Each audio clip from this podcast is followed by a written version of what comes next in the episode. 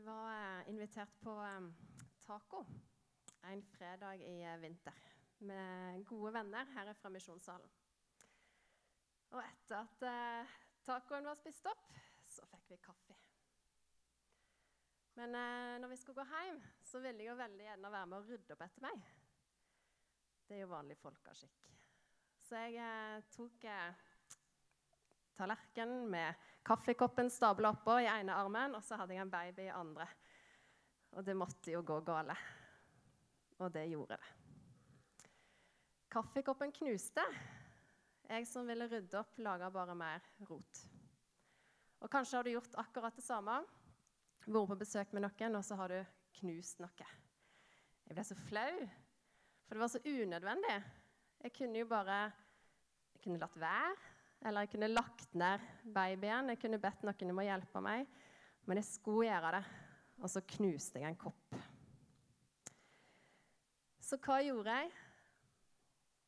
Jeg gikk på Moa og kjøpte en ny. Fordi jeg ville erstatte det som jeg hadde ødelagt. Fordi jeg ville gjøre godt igjen det som jeg hadde rota til. Og så hadde jeg muligheten til det. Jeg visste akkurat hva butikk på Moa som hadde disse koppene. Og så hadde jeg penger til å kjøpe meg ut av det. Selvfølgelig så protesterte disse vennene våre, som hadde spandert taco og kaffe. De protesterte veldig på at det kom en ny kopp. Men jeg ville så gjerne gjøre opp for meg.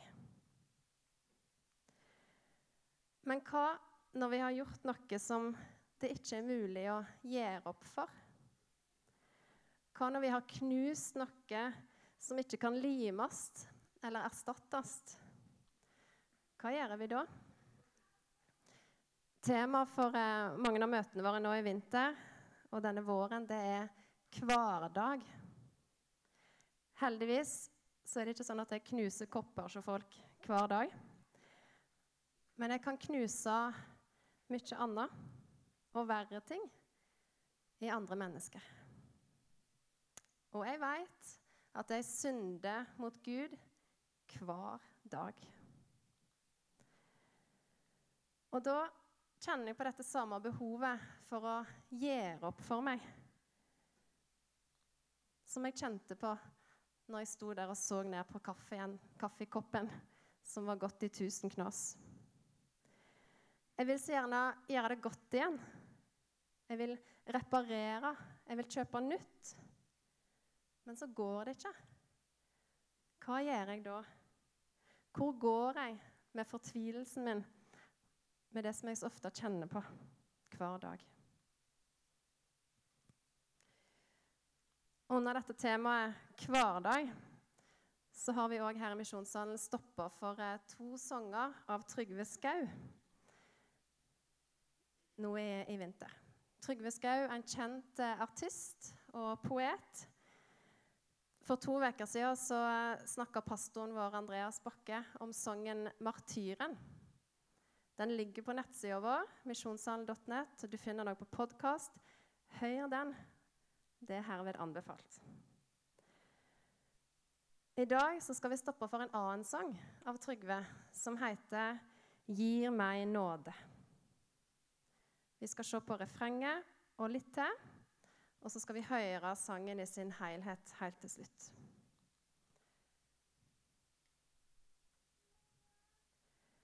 Refrenget er sånn.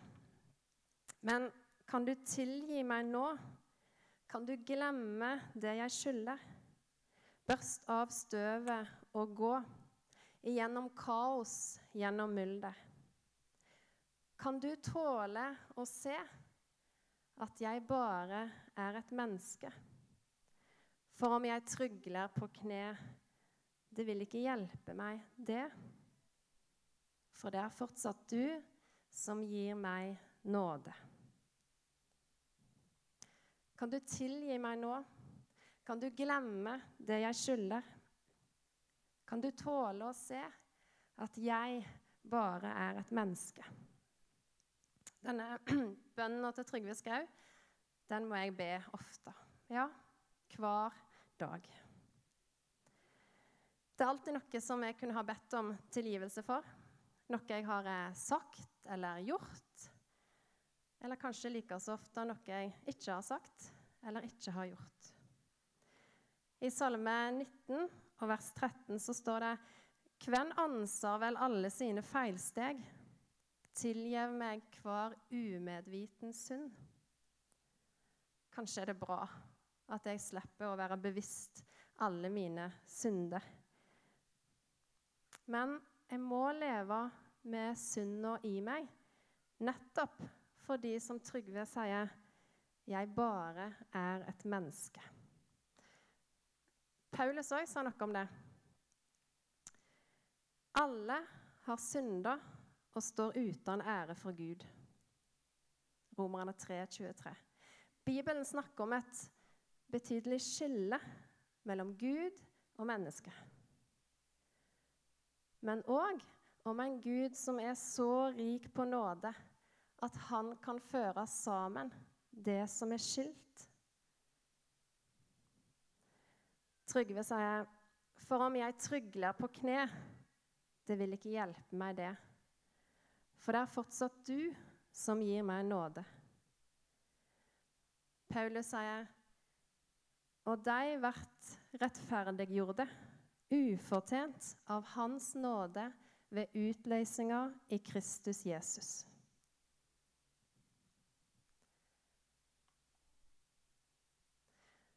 Nåde, hva er det? Jeg er sikker på at Hvis jeg hadde spurt hver en av dere, så hadde dere svart på hver deres måte. Men så tror jeg svarene ville handle om det samme. Nåde er å få noe uten at en har fortjent det. Ordet nåde kommer fra gratis. Guds nåde er det at vi blir tilrekna. Vi fordeler det som Jesus har gjort. Hans soning for våre synder på korset. Det er ikke om du erstatter en kopp du har knust, eller trygler på kne, som gjør at du får nåde. Nåde får den som tar imot, for nåde er Guds gave. Nåde er at Gud, den hellige Gud, vil ha med deg og meg, som bare er et menneske, å gjøre. Den hellige Gud vil ha med deg å gjøre. Jeg er veldig glad i dikt, og et av mine favorittdikt syns jeg gir et fint bilde på nåde og hva nåde er. Dette diktet skildrer nåde sånn. Dette å være gjennomskuet og likevel elsket.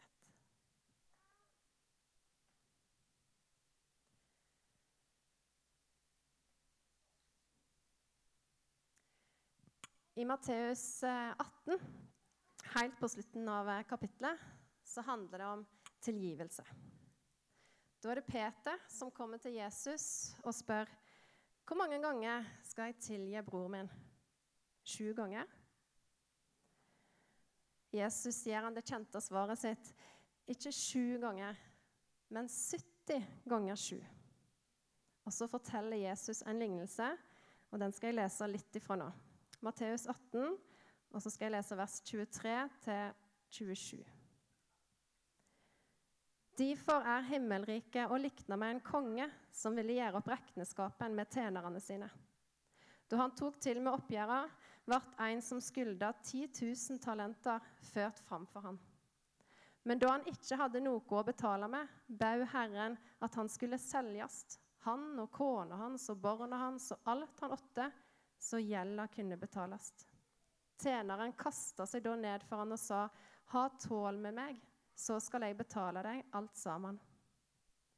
Herren hadde da inderlig medynk med denne tjeneren. Han satte han fri og ettergav han gjelda. Her hører vi om en tjener som skyldte herren sin så masse at han ikke hadde mulighet til å gjøre opp for seg. Bibelen forteller at han skyldte 10 000 talenter. Én talent var 6000 denarer. Én denar var ei vanlig dagslønn på Jesus i tid. 10 000 talenter tilsvarer 200 000 årsverk. Og da forstår vi at dette er jo umulig. Det er et regnestykke som ikke går opp. Denne summen er et bilde på vår syndegjeld overfor Gud. Kan du tilgi meg nå? Kan du glemme det jeg skylder? Kan du tåle å se at jeg bare er et menneske? Herren fikk inderlig medfølelse med tjeneren sin. Han satte han fri og ettergav gjelda. Dette er meg. Dette er deg. Vi har ikke sjans til å gjøre opp for oss. Men så kommer Herren, kongen, Jesus, frelseren vår, og så stryker han ut gjelda. Betaler for oss. Jeg har jo tatt det, Gry. Du er fri. I Kolosserne 2,14 så leser vi om et sånt skyldbrev. Han strauk ut skyldbrevet mot oss, som var skrevet med båd. Det tok han bort da han nagla det til krossen. Det er fortsatt du som gir meg nåde. Du som gir meg nåde. Jeg har jo jobba litt med denne tittelen og gått og tenkt på den en stund. Og disse ordene, 'du som gir meg nåde', det får meg til å tenke på hender. Jeg har alltid vært veldig glad i hender. Fascinert av hender. Jeg husker da jeg jobbet på sykehjem som 17-18-åring. Eh, jeg syntes det var helt fantastisk med disse gamle hendene. Og jeg kunne holde dem og, og stryke dem. Hender. Ta opp hendene dine. Se på dem. Tenk på alt det gode hendene dine kan gjøre. Tenk på alt det hendene dine kan brukes til. Jeg er nettopp ferdig med 'Folket på Innhaug' av eh, Anne Karin Elstad. Jeg er veldig glad i å lese, og nå har jeg litt tid til å lese i vinter. Og Her leser jeg om hvordan Anne Karin Elstad skildrer norsk eh, gårdsliv og kvinneliv i Trøndelag og på Nordmøre på tidlig 1800-tall. Og Når jeg leser om alle disse damene, så tenker jeg på hender. Når jeg leser om disse damene som sleit og jobba fra tidlig morgen, ja, før det ble morgen òg, til seine kvelden Jeg ser for meg hendene deres. Hender som en dag tok imot et nyfødt barn, men som neste dag var med å stelte en død slektning. Hender som eh, tørka svette og kokte klær i eldhuset for å rett etterpå skylle de i iskaldt elvevann. Hender som strauk over et barnekinn i forbifarten mellom dagens gjøremål. Hender som bar vann og bar høy og knadde deig. Hender som melka ei ku mens pannen fikk hvile litt inntil den trufaste kumagen. Hender som ba for såkornet som mannen endelig, spent og nervøs, fikk i jorda. Ville avlinga slå feil i år òg? Mine formødre i et annet Norge de hadde hender som jobba nesten ustanselig. Mine hender blir mest brukt til å trykke på knapper og vri på brytere og scrolle opp og ned på en mobilskjerm. Mine formødre sine hender De gav og gav og gav for at de som kom etter dem, skulle ha noe å leve av. Er mine hender opptatt av å gi? Er mine hender opptatt av å gi videre, sånn at andre kan få leve?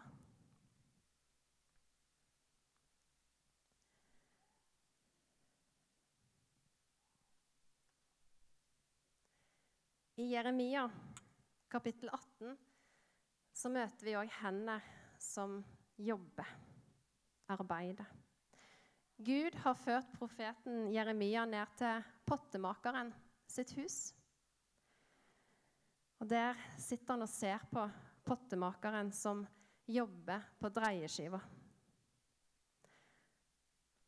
Akkurat her taler Gud til profeten og viser han at han, Gud, er mektig til å gjøre med sitt folk det pottemakeren gjør med leirklumpen på dreieskiva. Han kan forme det sånn som han vil. Derfor må folket vende om til Gud og følge hans veier og bli i hans hånd. I kapittel 1, i kapittel 19 og vers 11, og, men òg seinere i Bibelen, så blir det advara mot leirkar som har blitt brent, som har stivna og ikke lenger kan la seg forme. Jeg vet ikke om dere har de samme minnene fra barneskolen som jeg har. Men jeg husker at av og til så fikk vi lov å, å jobbe med leire. Og det var spennende, for det var noe vi ikke hadde hjemme. Men så husker jeg også spesielt en gang at vi skulle få med oss denne her tingen vi hadde laga hjem etter at det hadde tørka. Og det var da når jeg kom hjem og så min figur, kanskje på sida av søstera mi sin figur, det var ofte da det skjedde, da syntes jeg mitt var skrøpelig og stusslig. Og så huska jeg at jeg hadde så lyst til å begynne på nytt. Og så tok jeg vann og så vette jeg disse her små delene på det jeg hadde laga. Men så ble det bare ei seig masse. Smørje. Det, det gikk ikke. Det, det, løste seg opp i hendene på meg. Det gikk ikke, fordi leira allerede hadde tørka. Når jeg leser om Jeremia og pottemakeren og ser for meg disse hendene som jobber, da tenker jeg dette er nåde. Å få begynne på nytt. Jeg skal lese litt fra Jeremia 18. Jeg gikk da ned til huset til pottemakeren, og se, han holdt på med arbeidet sitt på dreieskiva. Og det karet han laga av leire, ble mislykka i handa på pottemakeren. Da gjorde han det om igjen til et annet kar, slik han ville ha det. Se, liksom leira er i handa på pottemakeren Såleis er det i mi hand Israels hus. Sjå, liksom leira er i handa på pottemakeren, såleis er det i mi hand. Nåde er at vi får lov til å være våt leire på Guds dreieskive i den himmelske keramikkverkstedet. Nåde er at vi får sige sammen som noen tunge leirklumper på Guds dreieskive. Ikke gjøre oss så gode vi kan, eller trygle på kne. Nåde er å få være våt leire i Jesus sine hender. I Jesus sine naglemerkte hender. Bare sånn kan han få reise oss opp igjen. På nytt og på nytt og på nytt. Det kan pottemakeren Jesus. Jeg har opplevd å få være på denne dreieskiva mange, mange ganger. Ja, egentlig så er jeg der vel hele tida.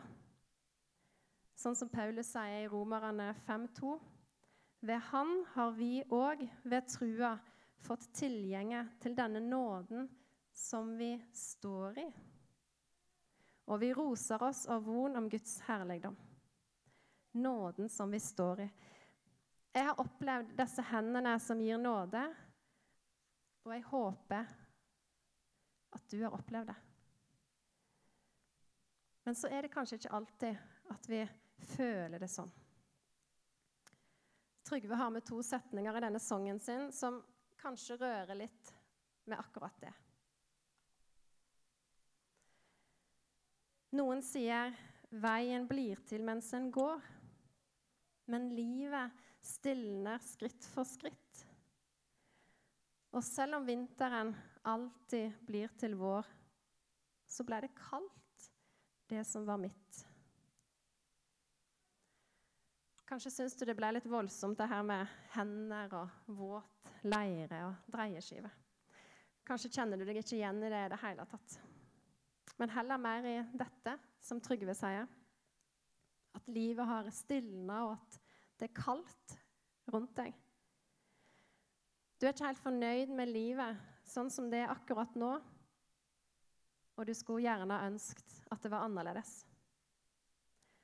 Men så har det bare blitt slik, og så vet du ikke helt hva du skal gjøre for å komme videre. Men det må vel være noe mer enn dette? Kanskje tenker du at dette med nåden det gjelder nok for alle andre, men ikke lenger for deg. Kanskje det går du rundt og tror om deg sjøl at det nok fins nåde for alle andre for det de har gjort, og for det de er, men ikke for deg og dine synder. Nåde for alle andre, ikke for deg. Hør hva Jesus sier til deg. Min nåde er nok for deg, for min kraft blir fullenda i, i svakhet. 2. Korinterne 12, 9. Min nåde er nok for deg. Ikke slutt å gå i misjonssalen, ikke slutt å gå på møte om du syns livet er vanskelig nå. Fortsett å gå, fortsett å høre ordet om korset forkynt. For det er bare der du får høre om nåden. Her i misjonssalen så trenger vi nåde. Alle sammen. Fordi vi bare er mennesker. Derfor håper jeg at vi òg kan møte hverandre sånn som vi har opplevd å bli møtt av Jesus. Fordi det kan være noen mellom oss som trenger å møte Jesus og nåden hans på nytt. Jeg stoppet litt i Matteus 18 i stad, og vi må tilbake dit. Jeg skulle ønske at den lignelsen var slutt der jeg slutta, men han er dessverre ikke det. For i lignelsen som Jesus forteller, så står det videre om at når denne tjeneren kom ut, han som hadde fått tilgitt alt Når han kom ut, så møtte han en av medtjenerne sine, som skyldte han 100 denarer. Ikke en brøkdel engang av det som han sjøl nettopp hadde fått sletta. Allikevel så står det at han greip tak i denne medtjeneren sin, tok strupetak på han og trua han til å betale. Da han som skyldte 100 denarer, ba for seg, fikk han ingen nåde, men ble tvert imot kasta i fengsel. Da kongen får høre om dette, så sier han, 'Du vonde tjener, hele gjelda di ettergav jeg deg, av de du ba meg om det.' Skulle ikke du òg ha medkjensle for medtjeneren din, slik jeg synte deg medkjensle?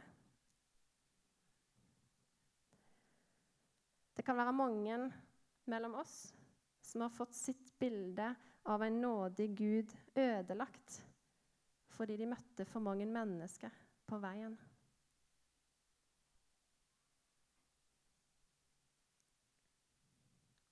Jeg håper og jeg ber om at misjonssalen må være en plass der vi har hender som aldri blir ferdige med å gi videre den nåden vi har fått av Jesus. Se på hendene dine.